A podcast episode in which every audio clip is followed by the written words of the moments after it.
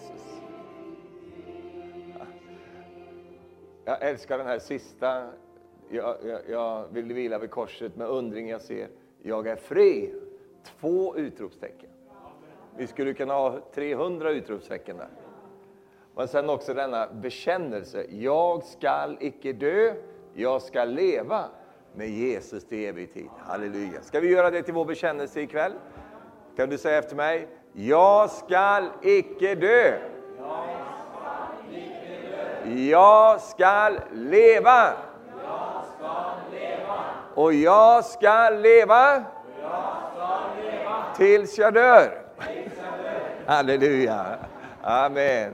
Vänd om till vännen din innan du sätter dig ner och säg God jul på dig. Amen. Underbart. Tack ska ni ha ungdomar. Det var härligt. Tack Jesus. Ja, så rent, nu har du fått väldigt bra eh, julevangelium. Det har varit väldigt fin vinkling på, på julen alltså, som pastor Arne hade här. Jag blir så imponerad av alla siffror och all, alla ting som han... Halleluja. Så det, han är ju en man med siffror. Vet du, så att, eh, och det är härligt, det är ju, Bibeln är ju en bok som är kodad. Eh, och, och, det betyder väldigt mycket med de olika siffrorna och allt det där. Så ta, vi ska tacka Gud för Arne, han har koll på de grejerna. eh, förra veckan så prekte jag ju om, eh, om mer julevangeliet kan man säga. Det kom en liten annan eh, sån som du aldrig säkert har hört förut. Men eh, det är härligt. Så i, i, idag så vill jag vara fri och kunna präka någonting annat än just julevangeliet. Kan, är det okej? Okay? Halleluja, amen. Vi är inte så traditionsbundna här i den bemärkelsen. Vi, vi måste inte predika vissa texter, utan vi, vi känner oss fria alltså, eftersom den helige Ande leder oss. Eh, för det, jag, jag känner det att det finns eh, någonting i kyrkan har en viss gång sådär. Man har kyrkoåret och så har man olika texter för varje söndag. Och det är ju fint, eh, för prästen slipper han förbereda sig så mycket. Då tar han bara vad som var förra året och så kör han samma och tuggar om det igen. Eh, men vi, vi, vill inte leva så, utan vi vill vara fattiga i anden. Och den fattigdomen vill vi ha i våra liv så att vi eh, frågar, Herre vad säger du nu? Och jag har fått ett ord som jag vill dela med dig här ikväll. Halleluja. Amen. Det är så härligt att se er allihopa, att ni kommer så här bara ett par dagar innan jul. Amen. Halleluja. Och sen har vi bara en vecka så ska vi ha konferens. Halleluja. Det är inte bra att ha för mycket uppehåll. Inte bra. Ja, men jag hinner ju inte gå och göra något annat än gå på möte. Nej, det är poängen. Då hinner du inte ställa till så mycket grejer, utan då är du beskyddad. Halleluja. Amen.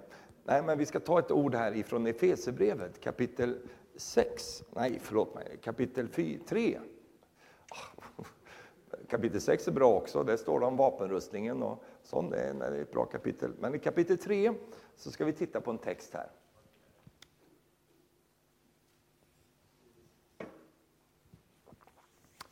Och min rubrik heter så här idag. Det finns mer. Det finns mer. Du tänker ibland att ja, men det, nu har jag funnit. Nej, det finns mer. Halleluja. Och, och, för vem finns det mer? För dig, för mig, för oss alla. Det finns mer. Halleluja. Amen. Och det, här är ju sist, det blir ju sista prek. Nej, det blir det ju inte. På det, här, det har vi ju nästa vecka. Men det här är ju slutet på året. Och då har jag tänkt på 2020. Det, är väldigt, det, det, det ringar väldigt bra där, 2020. Halleluja. Amen. 2020 blir ett bra år. Man kan liksom men eh, 2020, 2019 var fint också, men 2020, det, det finns en god klang där. Halleluja. Och du som har haft det förfärligt 2019, säg tack och lov att det snart är slut. Du vet, jag har haft sådana år också, man känner god, man tänker, tänker tillbaka, tack gode Gud att jag överlevde det här året. Alltså. För man, vi har haft sådana år, eller hur? Eh, det har inte varit så för mig det här året, men men det andra år som jag har haft det på det sättet och då har jag varit så glad när året är slut. Så man får börja med ett oskrivet blad, va? man börjar på nytt igen. Eh, och för en del har det varit så säkert att 2019 var ett tungt år. Eh, men, och därför är det så härligt att få vända blad och gå in i 2020. Och då tror vi att Gud verkligen ska ge dig gottgörelse eh, för ting i ditt liv. Och det kom ju förra söndagen också, att Gud, tror jag, att det är någon söndag det kom, att Gud ska ge gottgörelse för ting. För, för, kom ihåg detta, att Gud glömmer inte så lätt. Han glömmer inte vad de gjorde mot dig. Han glömmer inte vad fienden gjorde mot dig. Han, du glömmer det, det är din skyldighet att glömma. För du kastar det på altaret och säger Jesus, jag tillger dem, jag släpper allt det där och går vidare i livet. Halleluja. Då har du gjort din del och då säger du, vad fint att du, inte, att du glömde detta, för jag glömmer inte. Och jag har en gottgörelse som väntar på dig. Halleluja. Kom ihåg det. Amen. Att Gud han är en Gud som gottgör vad gräsbitarna, gräsknagarna, gräsätarna har spist upp i ditt liv. Då kommer Gud och säger du ska få igen för vad de har ödelagt för dig. Glöm inte det. Amen. Titta på din vän och säg så här, han talar till dig nu. Amen, halleluja. Gottgörelse kommer. Antingen är det ju sån att vi bara kastar ut ord så här, vi bara säger såna här saker, eller också ligger det någonting i det. Och jag tror att det ligger någonting i saker och ting och vi, vi fångar dem och så tar vi det till vårt hjärta. Halleluja. Som ikväll när det kommer ett profetiskt ord här genom Arne, så, så, så tar vi det ordet och, och, och kände du att det träffade dig, tar du det till dig och så bär du det vidare och så kommer du få se hur det går i uppfyllelse. Halleluja. Amen. I Efesierbrevet kapitel 3, vi, vi kan, jag kan läsa från vers 14 här. Det står det så här. Därför böjer jag mina knän för Fadern, han från vilket allt vad Fader heter i himlen och på jorden har sitt namn.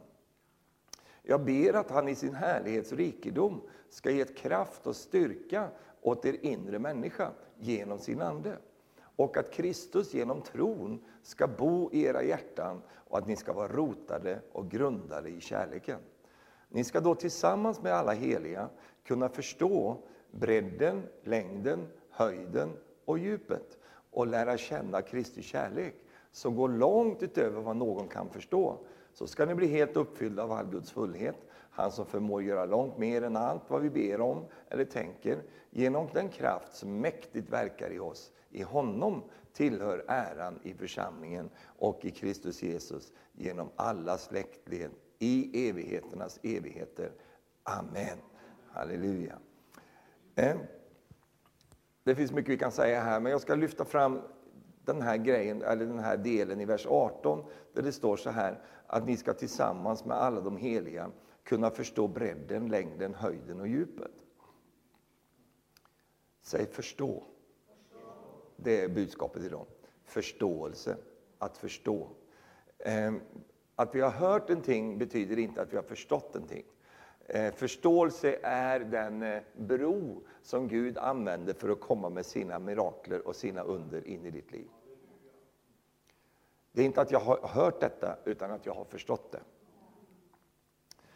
Eh, och, vad, vad, skulle vi förstå då? Vi skulle förstå höjden, längden, bredden och djupet. Många vill ha höjden, men de är inte, ser, inte intresserade av djupet. Man vill liksom, åh, jag är uppe på höjden och Gud säger det finns också ett djup. Det finns en längd, det finns en bredd. Och, och, och i, i, i det här att förstå det som har med Guds verklighet att göra, det eh, vill Gud förläna oss. Alltså, han vill ge det till oss. Han vill att du ska kunna förstå, känna eh, verkligheten bakom den han är. Eh, och eh, därför så, så Eh, hjälper han dig och mig? Och det är det här vad budskapet handlar om ikväll. Därför att du säger så här, men jag, jag, jag, förstår en del om bredden. Ja, men förstår du någonting om djupet då? Eh, jag förstår, för djupet handlar om lite andra saker. Eh, och, och Herren vill gå på djupet med sitt folk. Han vill gå på djupet med dig och mig. För att han vill att vi ska, som vi läste här, vara rotade. Eh, och vi tränger att vara rotade i den tid som vi går in i, därför att annars så blir vi så eh, eh. Alltså vi, vi, vi, vi, står inte stabilt. Och Gud vill hjälpa oss att vi blir rotade. Hur blir vi rotade? Genom att vi förstår. Och är det någonting som fienden riktar in sig på så är det att du och jag inte ska komma till en förståelse. Så att eh, vi inte liksom förstår vad det är Gud talar om.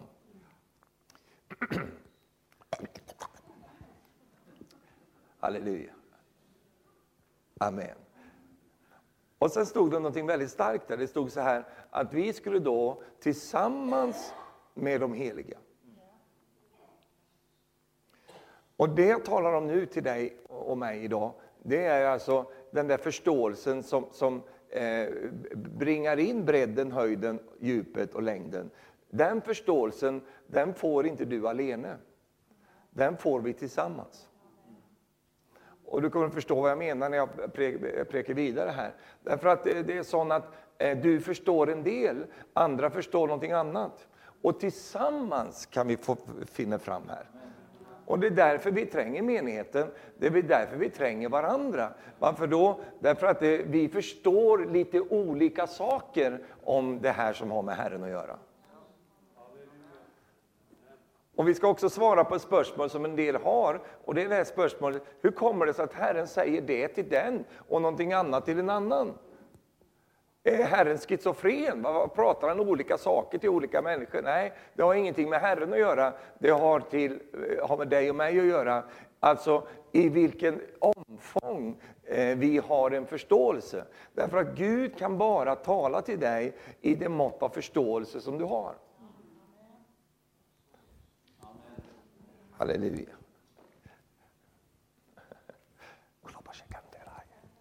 Så vi når fram till helheten tillsammans.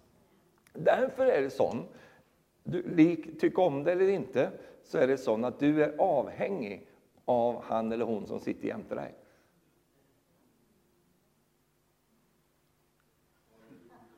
Nej, det är bara jag och Jesus, bara jag och Jesus, behöver ingen... Det där är bara tull. Därför att Jesus säger nej, så han säger himlen så här, nej, nej, nej, nej, nej. Försök inte med den.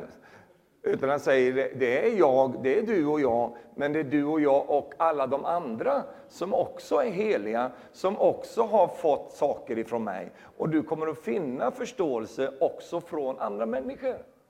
Och därför så ska vi ha ett öppet sinn. Vi ska ha en öppen tanke, ett öppet hjärta, så att vi kan få tag på det som är så oändligt viktigt för oss, nämligen förståelse. Halleluja. Ingen här sitter med full förståelse. Det är ingen som gör det. Jag gör det inte heller. Ingen gör det. Ingen människa bär det. Utan vi gör det tillsammans. Halleluja. Kan du säga amen till det? Nåväl, Gud begränsar inte oss. Det är vi som begränsar Gud. Och vad är det då som begränsar Gud? Jo, förståelsen. Ja, vi har ju ett klassiskt exempel på detta i Markus kapitel 6 och vers 3. Då står det så här. Nu har Jesus kommit till Nasaret och han predikar där. Och då så, eh, alltså, vi kan läsa. Då, då, deras respons till det han säger. Tänk nu är det självaste Jesus själv som prekar här. Amen. Och därför ska inte du vara så ledsen om du upplever ibland att människor inte riktigt tar emot. Du är i bra sällskap, va? Jesus var själv där också. Och han var ju, ja, Jesus. Du är ju bara Nisse Jöns, men han var Jesus. Och han hamnade där också. Så du behöver inte vara ledsen för det. Då säger de så här, är inte det här snickaren, Marias son, bror till Jakob och Josef, Joses och Judas och Simon? Här svarar på frågan. Eh, Maria hade fler barn. Så hon var inte någon evig jungfru, utan hon var, hade fler barn. De står här. Och det var inga kusiner. Och sen hade han systrar också.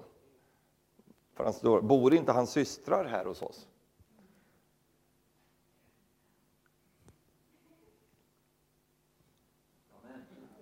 tack, tack Arne. Du och jag. och de tog anstöt av honom.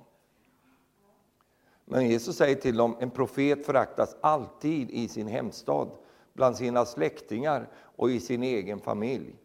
Och så står det så här, och han kunde inte göra några kraftgärningar där. Alltså, vi vet ju att Gud är i den måtten obegränsad. Men här ser vi att, att Guds begränsning kom på grund av förhållningssättet som människor hade till Jesus. Och det sätt som de förhöll sig till Jesus gjorde att han kunde inte göra det han ville göra. Du förstår att Gud vill göra mycket mer än vad han kan göra. Det är inte så att, åh Gud, tänk om du ville göra... Gud vill massor. Han vill göra enorma saker. Men han finner en begränsning i just det att när du och jag inte har en förståelse av vem han egentligen är, då begränsas han.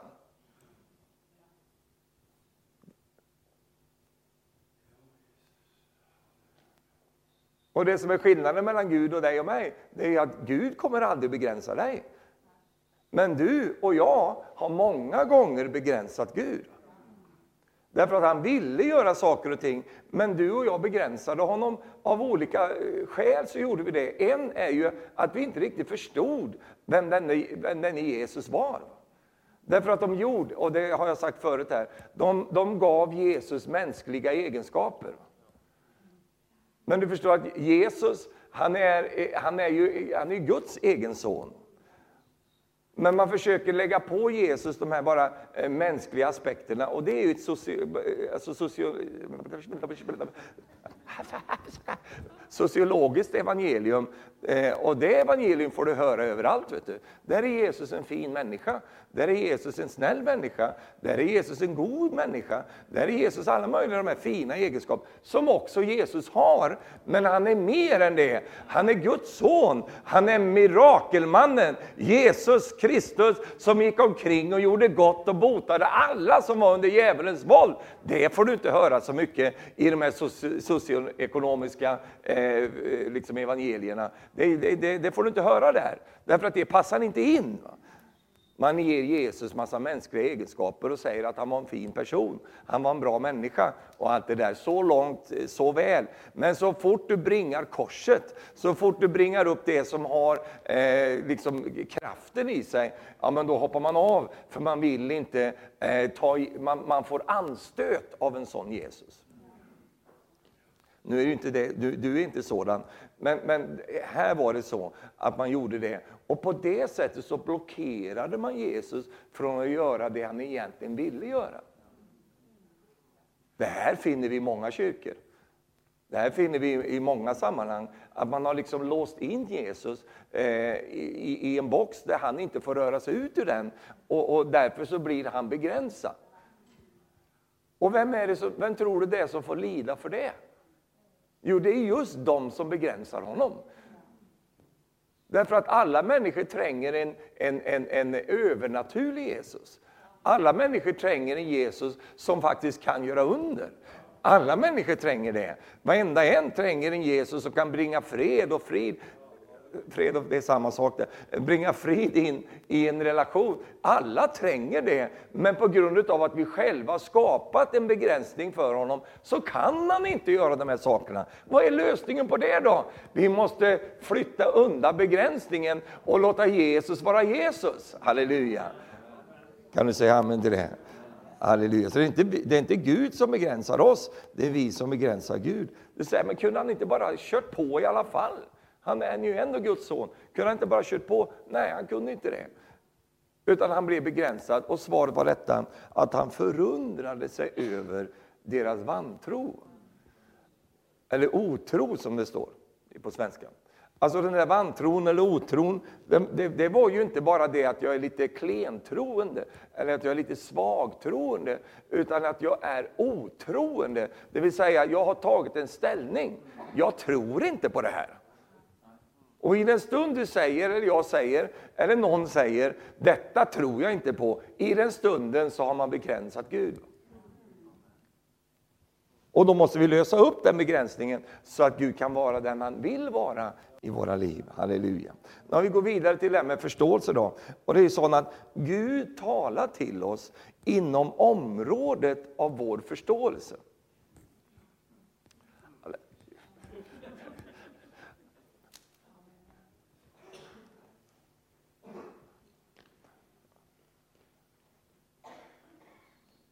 Därför kan han inte betjäna dig utöver den förståelse som du har i ditt liv.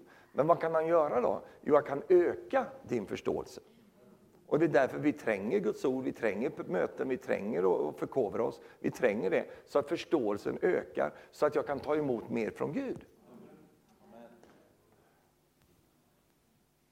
Och det var därför svaret, svaret på det här var därför Jesus, när han talade till, till disciplarna och till folket, så talade han till dem utifrån deras område av förståelse.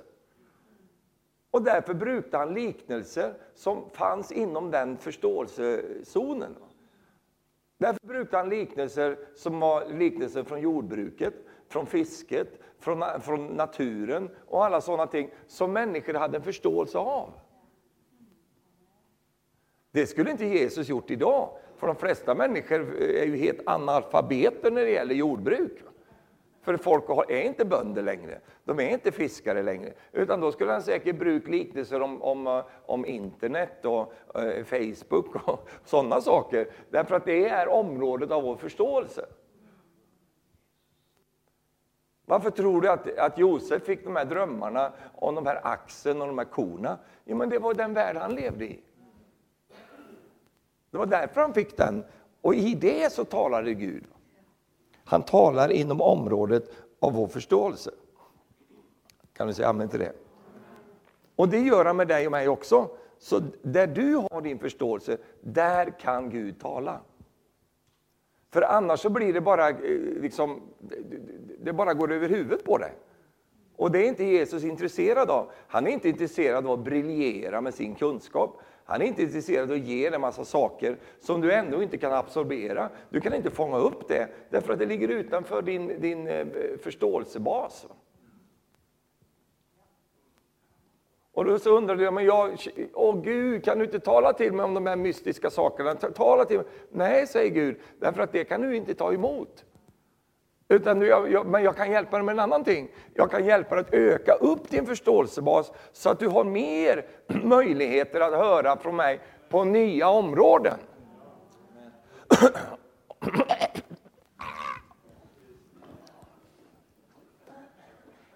Och Det leder mig till nästa punkt. Att när vår förståelse ökar, så ökar också Guds möjligheter att tala till oss på nya områden. Och det är någonting som är lite alarmerande, eller inte, ah, jag hittar inget bättre ord, men som är lite sån, det är att Gud alltid måste säga samma saker till dig. Varför då? Inte för att han inte har något annat att säga,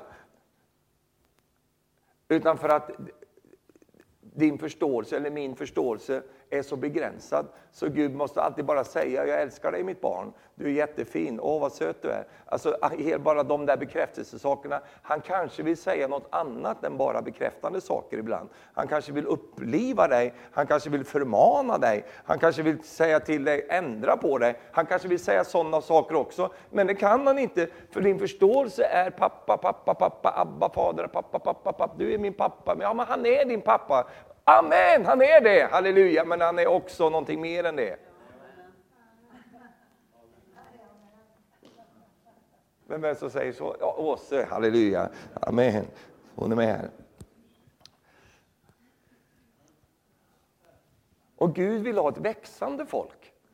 Han vill ha ett folk som växer till. Han vill ha ett folk som mognar. Han vill nu, jag, egentligen, jag prekar ut i luften nu, så jag, jag menar inte dig bara. ta inte allt personligt, bara du tar det personligt så går det bra. Men, men, men, men en, en preken handlar mer om de som sitter där, utan det handlar ju om att ta, tala vad Gud säger här nu. Varför är Kristi kropp så svag? Varför har man så svårt att ta emot saker? Varför har man så svårt att se vissa saker? Förståelsen. Man är på en barns nivå när det gäller förståelse. Och därför kan man inte ta emot det som Herren vill fortsätta tala om. Och därför så tror jag detta, vänner, att Gud ska skapa en sån hunger i våra liv efter att få lära känna Gud som den han är. Höjden, bredden, längden och djupet, halleluja. Vi vill ha tag på allt sammans. Amen. Inte bara det att Jesus älskar alla barnen, alla barnen på vår jord, utan att Jesus också har andra saker han vill dela med oss. Och det tränger vi att få höra nu i den här tiden, för den här tiden vi går in i, den blir, den blir inte lätt alltså. Den blir vansklig, den, den blir härlig också för oss, men vi tränger att komma djupare med Herren, så vi har det vi behöver för att ta oss an de utmaningar som kommer. Och vi, vi, har en nådetid vänner att, att, att gå in här nu. Halleluja, kan ni säga halleluja? Så när vår förståelse ökar, så ökar också Guds möjligheter att tala till oss på nya områden.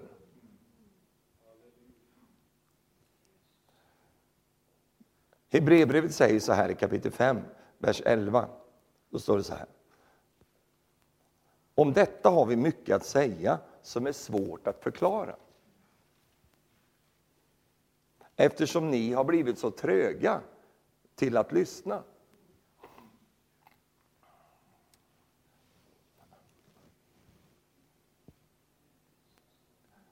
Inte du alltså. Ja, det kan ju vara du. Det vet ju inte jag. Jag tänker på mig själv. Var är jag trög någonstans? Ni har blivit så tröga till att lyssna. Och så kommer han här, vers 12. Ty fast ni för länge sen borde ha varit lärare, så behöver ni någon som undervisar igen i de första grunderna av Guds ord. Ni behöver mjölk, inte fast föda. Ingen som lever av mjölk är mogen för en undervisning om rättfärdighet. Han är ännu ett barn. Den fasta födan är till för de vuxna för de som genom övning har fått sinnet skärpt till att skilja mellan gott och ont. Alltså genom eh, askes, alltså är ordet askes här, alltså genom, genom övelse, träning. Jag har tränat med sinne att skilja mellan gott och ont. Man har, man har liksom sysslat med det. Då kan man ta emot fast föda, säger han här. Eh, jag har alltid frestat att säga Paulus här, och jag har min egen teori om vem det var som skrev det här brevet. Men i alla fall, det, det är inte viktigt i sammanhanget. Men, men alltså, här konstaterar han då att jag kunde inte leverera det som jag egentligen ville leverera till er, därför att ni, ni kan inte ta emot detta, för ni är som barn. Ni, jag kunde bara fortsätta att ge er mjölk hela tiden. Och det är ju tragiskt att det är på det sättet. Tänk en mamma som, som, som aldrig får ge sina barn riktig mat, vanlig mat, utan alltid går och ammar sina ungar. Förr i tiden så ammade man ju väldigt länge. Jag var nog två och ett halvt år eller sånt där. Jag, gick, jag, jag letade fram mammas bröst där liksom och, och gick och tankade själv där. Det var så väldigt behändigt. Jag, jag kunde, så, man gjorde, jag vet inte om det var ekonomiskt eller sådär, vad som man höll på på det där sättet. Men, men, men, det, men det är ju tragiskt om det kommer en liksom 30-åring och går fram till mamma där det, det, det blir liksom så, uh, det, det, är något här som är lite obehagligt. Va? Jag fick ge er liksom eh, vällingflaskan istället för att ge er det som tillhör vuxna. Och det som tillhör vuxna, det är inte bara att jag är vuxen eh, liksom, eh, fysiskt, utan att jag är vuxen i sättet på hur jag, hur jag förstår saker och ting. Vi har ett annat bibelord som ska ge er här också. Paulus säger så här i första Korinthierbrevet 13, vers 11. Då säger han så här. När jag var barn, så här, då talade jag som ett barn, tänkte som ett barn, förstod som ett barn. Vi har alla eh, förhållanden till barn på olika sätt. Du har haft egna barn och du har barnbarn nu kanske. Och, sånt. och när du möter dina, dina små barnbarn då, så ser du då att de, de, de eh, talar som barn. De tänker som barn. De förstår som barn. Och hur förhåller du dig till det? Ska du, vill du vara flink på dina barnbarn? Då får du gå ner på deras nivå. Det gör jag. Jag, jag, jag måste säga till dig att jag är expert på barnbarn. Alltså. Och jag är expert på en viss ålder.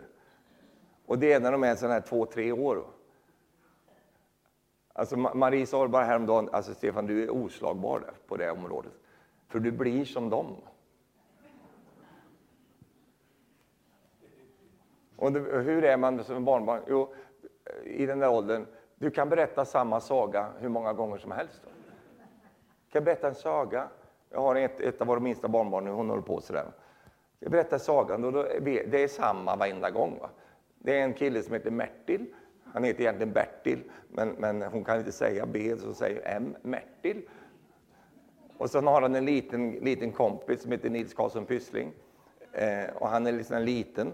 Och sen har, så det, de två är alltid med. Och sen är det hon, hon heter Luna. Så de här tre. Så, och så låtsas jag ju det varenda gång. Det är, alltså, det är hundra gånger säkert jag berättar samma saga som jag hittar på själv. Och säger så här, säger så här ja, det var en gång en, en, en kille som hette Mertil. Så säger, han hade en kompis och så låtsas jag att jag inte kommer ihåg det. Han är, vad, vad hette han nu igen, den kompisen? Vad hette han? Så svarar hon, Nils Karlsson Pyssling. Ja, just. Då svarar jag, ja just det, ja, just det, just det. Och så, var det, så hade de en, också en kompis, Luna. Ja, ja, just det, Luna. Ja, och så skulle de ut och cykla. Eh, och så hoppade Nils Karlsson Pyssling upp i korgen där på, vid cykeln. Och sen har jag, jag kör samma varenda gång. Och när jag precis har berättat färdigt den sagan, ja då vill de höra den igen. Då.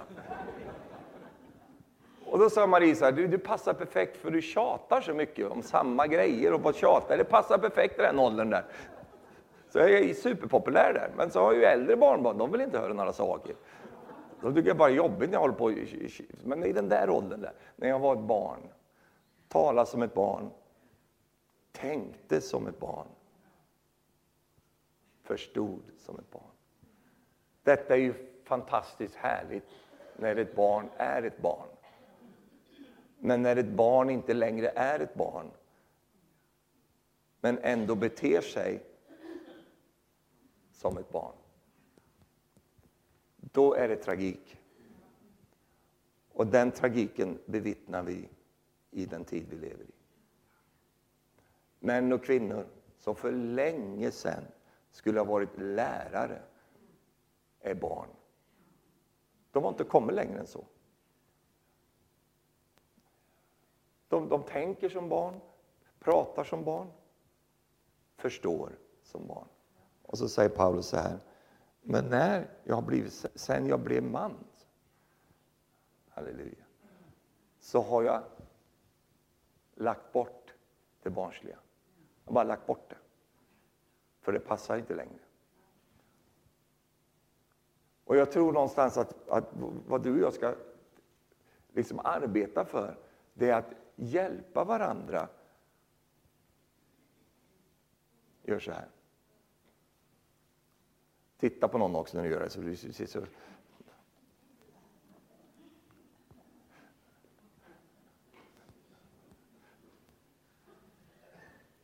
Gör det en gång till. Vi lägger bort det där.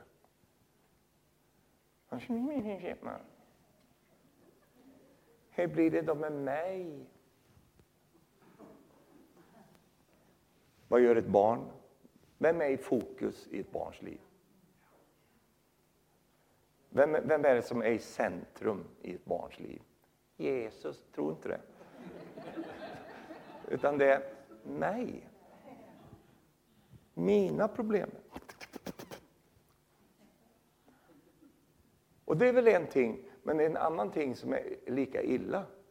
Och det är att när vi behandlar vuxna människor och tillåter dem att vara kvar på ett barns nivå. När vi inte sätter det trycket och säger du, det är dags för dig att växa upp nu. Det är dags för dig, för dig att bli en vuxen människa. Och en vuxen människa har någonstans förstått att det finns fler människor på jorden än mig. Va? Det är ju liksom en uppenbarelse man får. Mm -hmm. Det finns någon fler här. Och det kallas ju för socialiseringsprocessen. Att man, man, man, man, man lär sig att liksom interagera med andra människor och så vidare. Och det är ju en sund utveckling. Och det är en sund utveckling andligt också. Att vi kan få nåd att bara, ja men det där lägger jag undan nu. Jag, jag, jag, jag, jag behöver inte bara gå på mötet för min skull. Jag kan gå på mötet för någon annans skull också.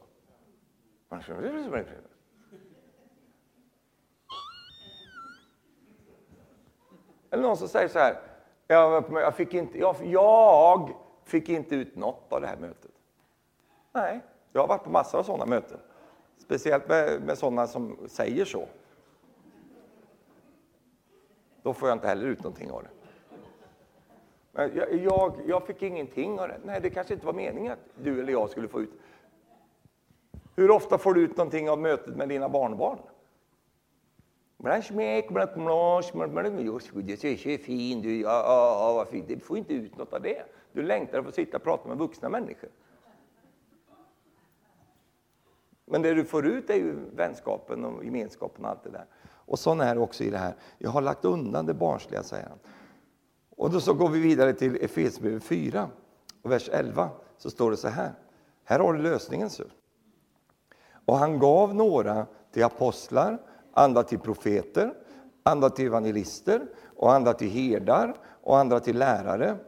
De skulle utrusta de heliga till att utföra sin tjänst, att bygga upp Kristi kropp, tills vi alla når fram till enheten i tron och i kunskapen om Guds son, till ett sådant mått av manlig mognad att vi blir helt uppfyllda av Kristus.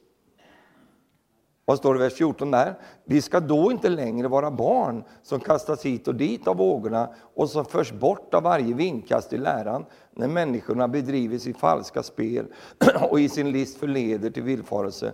Vi ska istället i kärlek hålla fast vid sanningen och i allt växa upp till honom som är huvudet, nämligen Kristus. Säg efter mig, det finns mer. Det finns mer. Halleluja. Amen. Och detta mer, det kommer till oss när, när liksom Herren får göra det han har, liksom hans ordningar. Alltså han har satt, satt de här tjänstegåvorna i menigheten.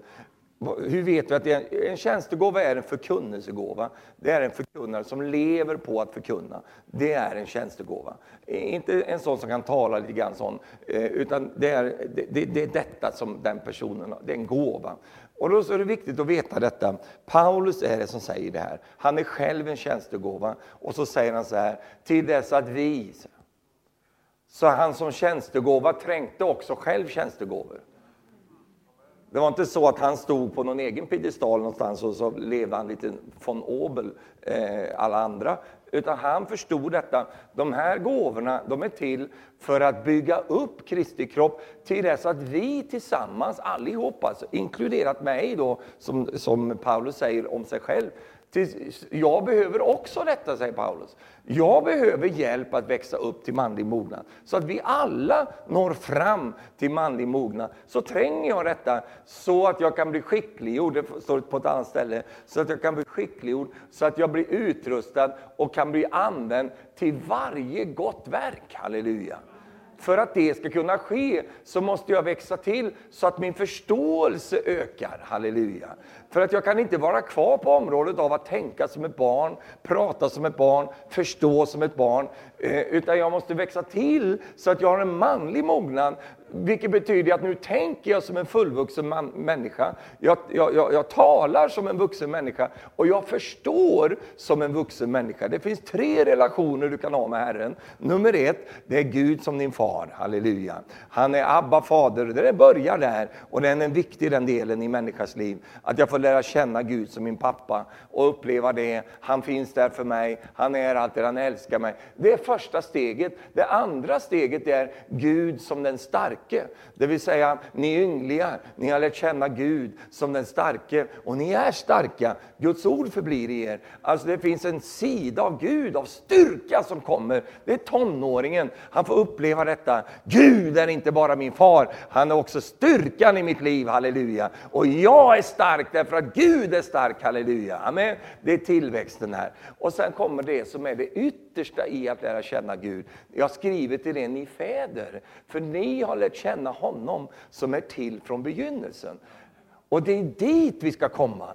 Min vän, känner du honom som är till från begynnelsen? Känner du han den eviga av dagar? Känner du honom, han som inte bara är pappa, pappa Gud för dig, han som inte bara liksom är styrkan i ditt liv, utan som han som, som, har, som mäter ut hela evigheten och som, som är från begynnelsen. Jag skriver till er, ni fäder, halleluja. Det är fäderna som får höra sådana saker. Och, och det är en mognad i relationen, att jag fått lära känna honom som är till från begynnelsen. Halleluja. Det är dit vi ska komma, var och en av oss. Det är det som är manlig mognad. Halleluja. Kan du säga amen? Det är underbart när barnen är barn, prisat vare Gud. Det är härligt. Vi, nyfrälst och, allt det där. Eh, det är ju så underbart. Och nyfrälsta människor de, de, kan allt, de vet allt, de är i centrum på allting, de är på all förbön, de, de får alla profetier, de ramlar hela tiden. Och, sånt. och det, det är så härligt. Efter ett tag så ska man växa vidare från det. Då får man uppleva en ny sida, att man kan också bryta igenom i livet. Man kan, man kan vinna seger över saker och ting. Man, man, man, kan vara stark i Gud, halleluja. Det är härligt när vi ser det också. Efter ett tag vinner man, går man vidare från det också. För att upptäcka, och nu är jag nere på det som jag egentligen som, som tog tag i mig så starkt. Då får man upptäcka någonting som går på djupet. Man får upptäcka Gud. Du, du är inte bara Abba fader, du är inte bara den starka i mitt liv, utan du är han som är till från begynnelsen. Och jag får lära känna, precis som det står i Guds ordet, djup ropar till djup. Halleluja. Amen. Känner du? Jag känner salvelsen när jag säger de här sakerna. Jag känner att Herren säger jag längtar efter att få visa dig mer av vem jag är. Halleluja. Du vet att det kommer till ett stadie där du inte alltid behöver komma, Herre hjälp mig med flassen idag. Hjälp mig liksom, åh jag har så lite olja i bilen. Hjälp mig med allt det där. Utan du får säga, Herre det där vet jag att du löser åt mig. Jag behöver inte be om det där, det, vi, vi, det där fixar du. Utan Herre nu vill jag, jag vill, jag vill veta mer om dig Herre. Jag vill ha tag i visdomen som finns i dig. Jag vill, jag, vill, jag, jag vill ha kunskap om det här, halleluja. Och så kommer Gud bara öppna upp en helt ny arena och med den arenan så öppnas också förståelsen och helt nya möjligheter för Gud att kunna tala till oss om ting som man inte kan tala till oss om när vi är på en lägre nivå. Inte för att han inte vill tala till oss, utan för att han inte kan. Därför att vi är på en nivå där vi fortfarande är beroende av mjölk. Och Gud kan inte ge oss en saftig biff varför då? Därför att vi får ont i magen och sånt. Och, han säger ju där att jag, jag, kan inte ta det här för att det är så svårt att förstå det här, för det är så trögt.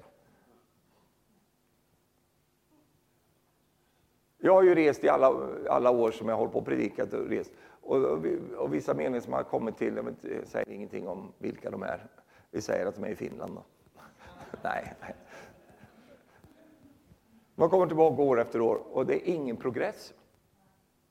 Man får predika samma saker som man alltid har predikat. Samma grej, grundläggande saker och så vidare. Och det är väl härligt att få predika de sakerna, men det blir inte härligt i längden. Därför att, att vi borde växa vidare. Vi borde vara på en ny nivå så att Gud kan berätta ut mer av den han är och ge mer uppenbarelse om vem han är. Så vi inte är på mjölknivån utan vi faktiskt kan vara på biffnivån. Halleluja. Amen.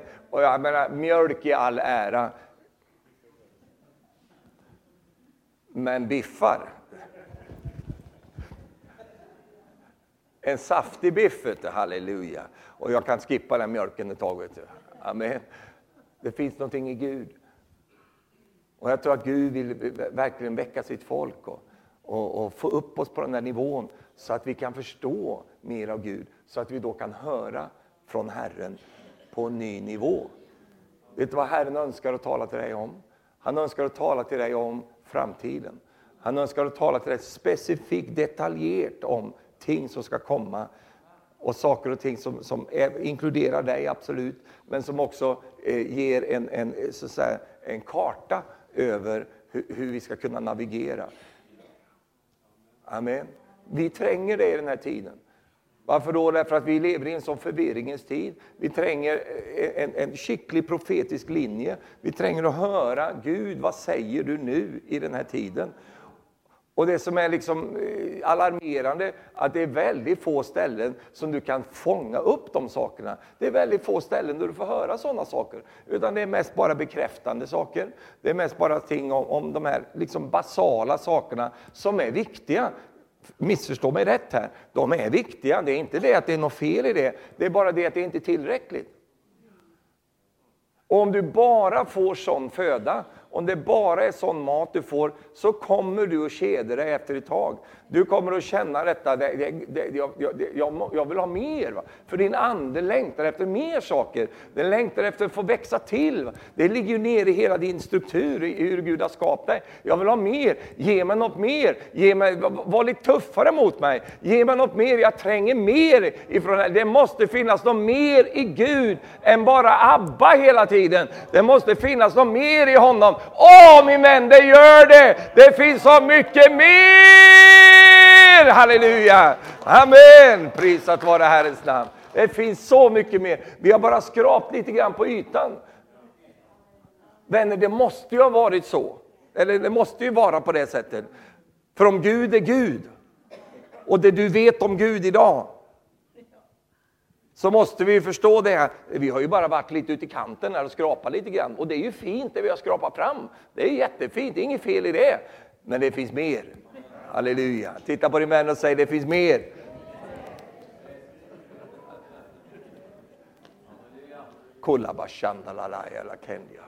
Och därför så säger bara, upplever jag detta, eh, eh, vad är det för ingredienser som behövs för att detta ska, detta ska kunna komma till? Nummer ett, hunger. För det står att de hungriga mättar han, men de mättade visar han bort. De får gå bort. Ja, för då, hungern är en ingrediens som trängs i det här. Och så det börjar ofta med att Gud väcker en hunger i dig. Att, att och, ja, Gud, jag vill lära känna dig. Jag vill lära känna. Vad säger Paulus? Han säger, jag vill lära känna honom. Och kraften i hans uppståndelse. Och det är många som stannar där. Va? Men, men Paulus stannar ju inte där, utan han säger, i det att jag blir lik honom i en död sådan som hans. Halleluja.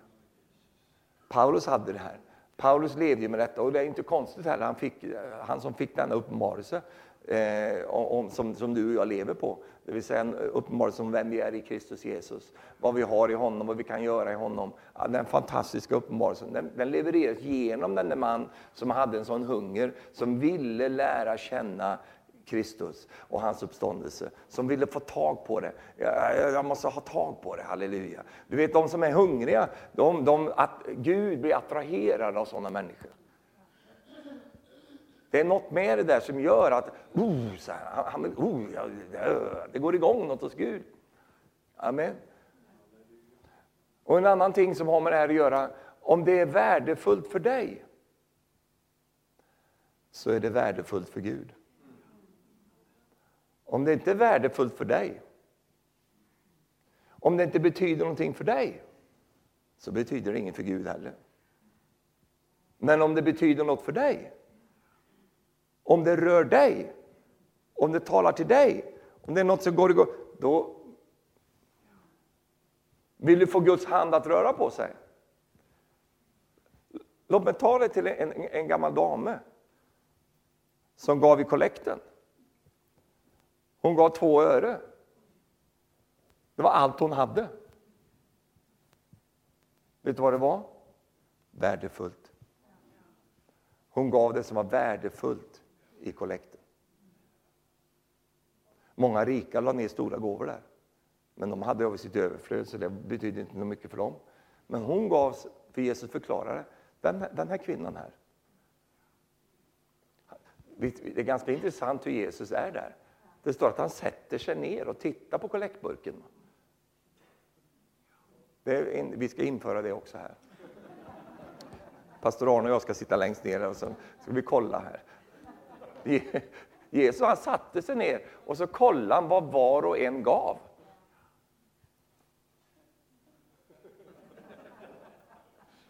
Och då stod det, står det där att den flera rika kommer med stora gåvor. Jesus såg det. Det rörde inte honom så kom det en kvinna, hon gav två öre. Och det rörde Jesus. Vad var fårkällen? Det var värdefullt. När du och jag tar något som är värdefullt för oss så rör det Guds hand. Vill du få Guds hand att röra på sig?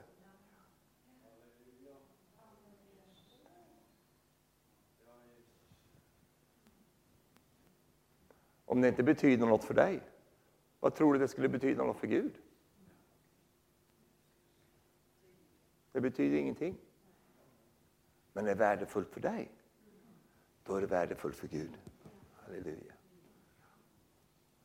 Prisat vare Herrens namn. Och därför så talar vi inte om volym här. För det var ju många som gav mycket mer än henne. Så vi pratar ju inte om att nu måste jag ge mer pengar här. Nej. Och vi pratar inte ens om pengar. Vad är värdefullt? Vad betyder någonting för mig? Det rör Guds hand.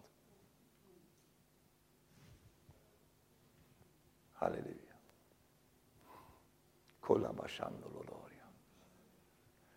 Så när du visar att det är så värdefullt för mig, jag måste ta tag på det här. Herre, jag, jag, jag måste förstå mer. Jag, jag, jag förstår att det finns mer att förstå. Halleluja.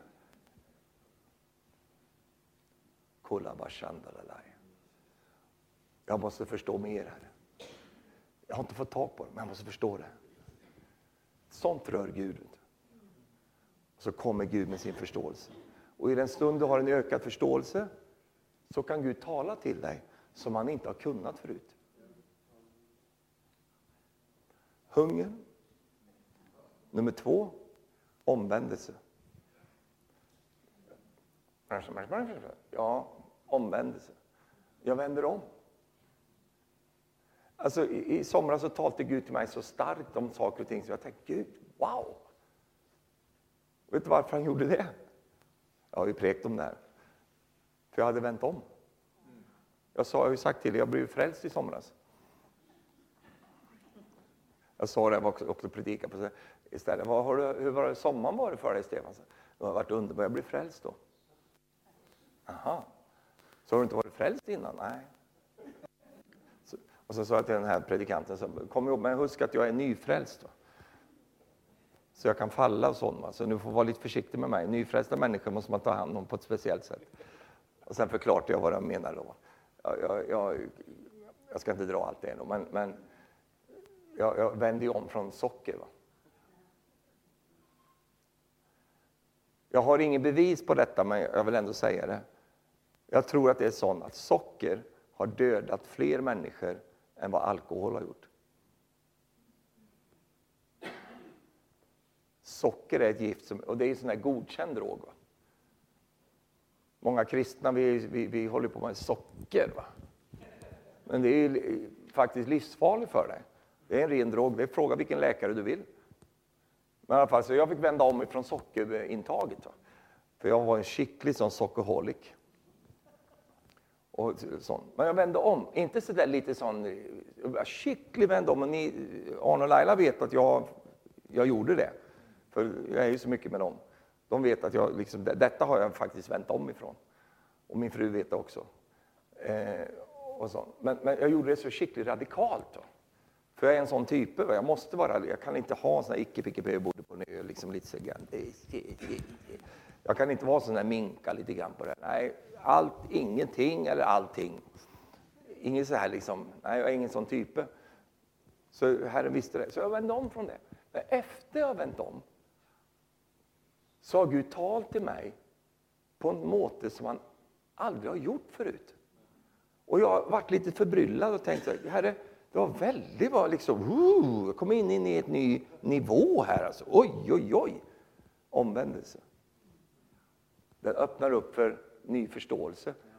Så Gud kan tala till oss på nya områden som han inte har kunnat förut, för att det är blockerat.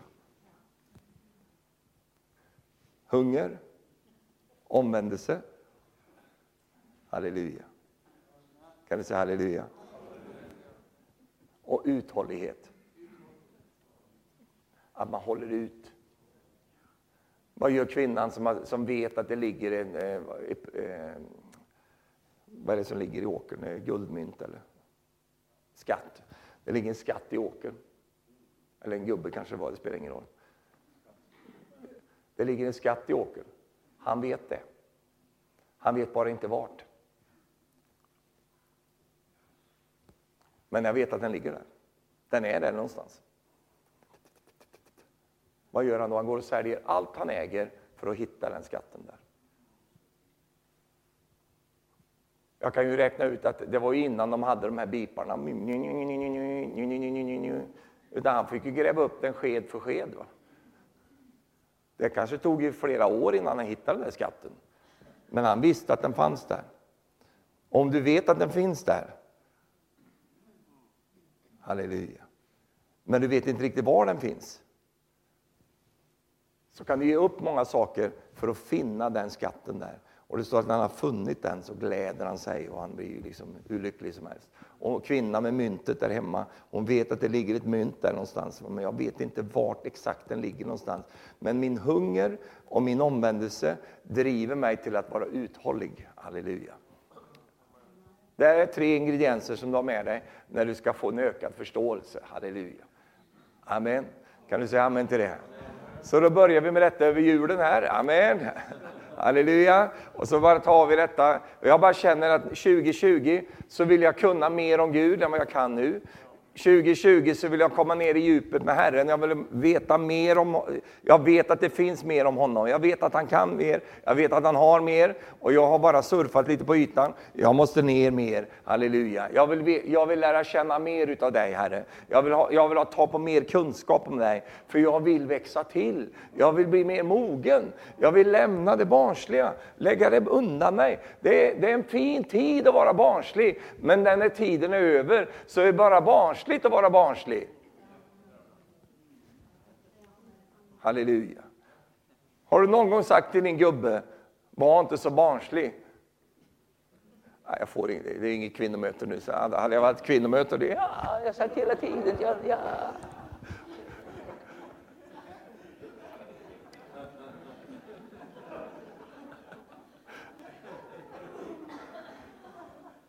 Eller du har sagt till din fru någon gång, men kära någon, Sluta vara så barnslig. Är jag fin? Är jag pen? Tycker du att... Ja, men sluta, du är jättepen. Ja, men jag är så... Var inte så barnslig, säger du till henne då. Halleluja. Väx upp, gumman min. Väx upp till kvinnlig mognad. Jag känner mig så dålig, jag känner så dålig jag. Och då säger, säger mannen, men väx upp, du är inte dålig, du är i Kristus Jesus, du är ju perfekt. Halleluja. Amen. Bara sminka dig lite grann så ser det ännu bättre ut.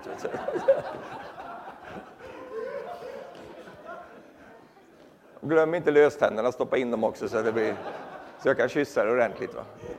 Sätt fast dem lite grann, ta lite plastic padding och, som sitter ordentligt. Va? Men nu ska vi göra ja, ja. Halleluja. Det är bara att växa upp. Halleluja. Amen. Kan du säga amen? Halleluja. Far, vi tackar dig för att du för din kropp fram till manlig mognad. Att vi ska komma dit hän, Herre, där, där vi får uppleva hur eh, vi växer till, till full mognad, Herre. Och att vi inte är kvar på barnnivån, Herre, utan att vi växer till, steg för steg, Herre. Herre, vi tackar dig att vi har fått lära känna dig som är vår Abba, Fader, Herre. Vi tackar dig att vi har fått lära känna dig som är stark i våra liv, Herre. Men vi tackar dig också för att vi får lära känna dig som fäder, Herre. Att du som är till från begynnelsen, Herre, och lära känna djupheterna i dig, Herre. Att vi får lära känna höjderna, bredden och längden, Herre. Tackar dig för det. Så därför så bara tackar vi dig för hunger, inte hunger efter mat, Herre, utan hunger efter att få lära känna dig, Herre. Inte hunger efter att eh, ha massa ting för oss själva, utan att få lära känna dig, Herre, och vem du egentligen är, Gud. Vi tackar dig för det i Jesu namn. Och Herre, vi vänder också om från ting i våra liv eh, som, som eh, vi vet att det här det här är över nu, vi ska inte hålla på med det här längre. Det här är, det tillhör en förlegad tid för mig. Det tillhör en barnslig tid och vi lägger det åt sidan som Paulus säger. Vi lägger undan det barnsliga för vi vill växa vidare tillsammans med Herren. i Jesu namn. Och så tackar vi dig för uthållighet, Herre. Att hålla ut, Herre, i vår strävan efter att finna skatten som är gömd i en åker, Herre. Vi tackar dig för det i Jesu namn. Amen. Halleluja. Kan du säga efter mig, jag är vad Guds ord säger att jag är. Och det Gud säger om mig, och det Gud säger om sig själv, det tror jag på till fullo. I Jesu namn. Amen. Halleluja. Jag vill be för en sak här i, idag. Tog du emot Guds ord förresten? Tog du emot det? Bra. Halleluja. Ta det där, gå vidare med det. Jag skulle vilja be för det här, för jag fick det när jag kom in i mötet att nu är det julehögtid och vi, vi går in och firar jul nu. Och julen är för, för ganska många människor en ganska vansklig period faktiskt. Därför att det är inte, det är inte, det är inte liksom alltid så att det bara är härligt och alla de där reklamfilmerna och allt det där och jag drömmer om en jul hemma och så vidare. Det är många som drömmer om en jul borta. För att hem, det är förfärligt hemma, för att det är så mycket förväntningar. Det är så mycket grejer där som händer och så mycket saker som kan vara obearbetat och så vidare. Och så möts alla där hemma och det kan dra igång alla möjliga eh, grejer. Och det finns människor här i mötet idag som upplever att du gruvar dig för julhelgen här. Därför att du, vet, du, du gruvar dig över det. Sån. Och det är ingen bra känsla. Och den vill Gud bara lösa dig ifrån. Halleluja. Och vi ska, vi ska be, som, som pastor Arne gjorde här innan, men vi ska ta lite mer om det. Att be att julen faktiskt skulle få bli en fridens högtid. Att det skulle vara frid och fred. Inte massa, massa mas och tjat och, och massa så här, vad ska vi kalla det för, såna här liksom draman som kan uppstå. Utan att det verkligen ska vara fred och ro. För är det något du, du förtjänar, det är att få lite fred och ro. Och känna detta, att du kan ägna dig åt den här preken till exempel. Du bara kan hålla på med detta och få tid över till det. Och inte bara massa jobbiga grejer som kan dyka upp. Eh, och det här det kan dyka upp bland kristna också. Det, det, håller på så, är det någonstans det dyker upp så är det bland kristna. Därför att vi har så mycket förväntningar och, och så mycket olika ting där. Så du som har, har det i ditt liv, vi kan börja med att resa oss upp tillsammans.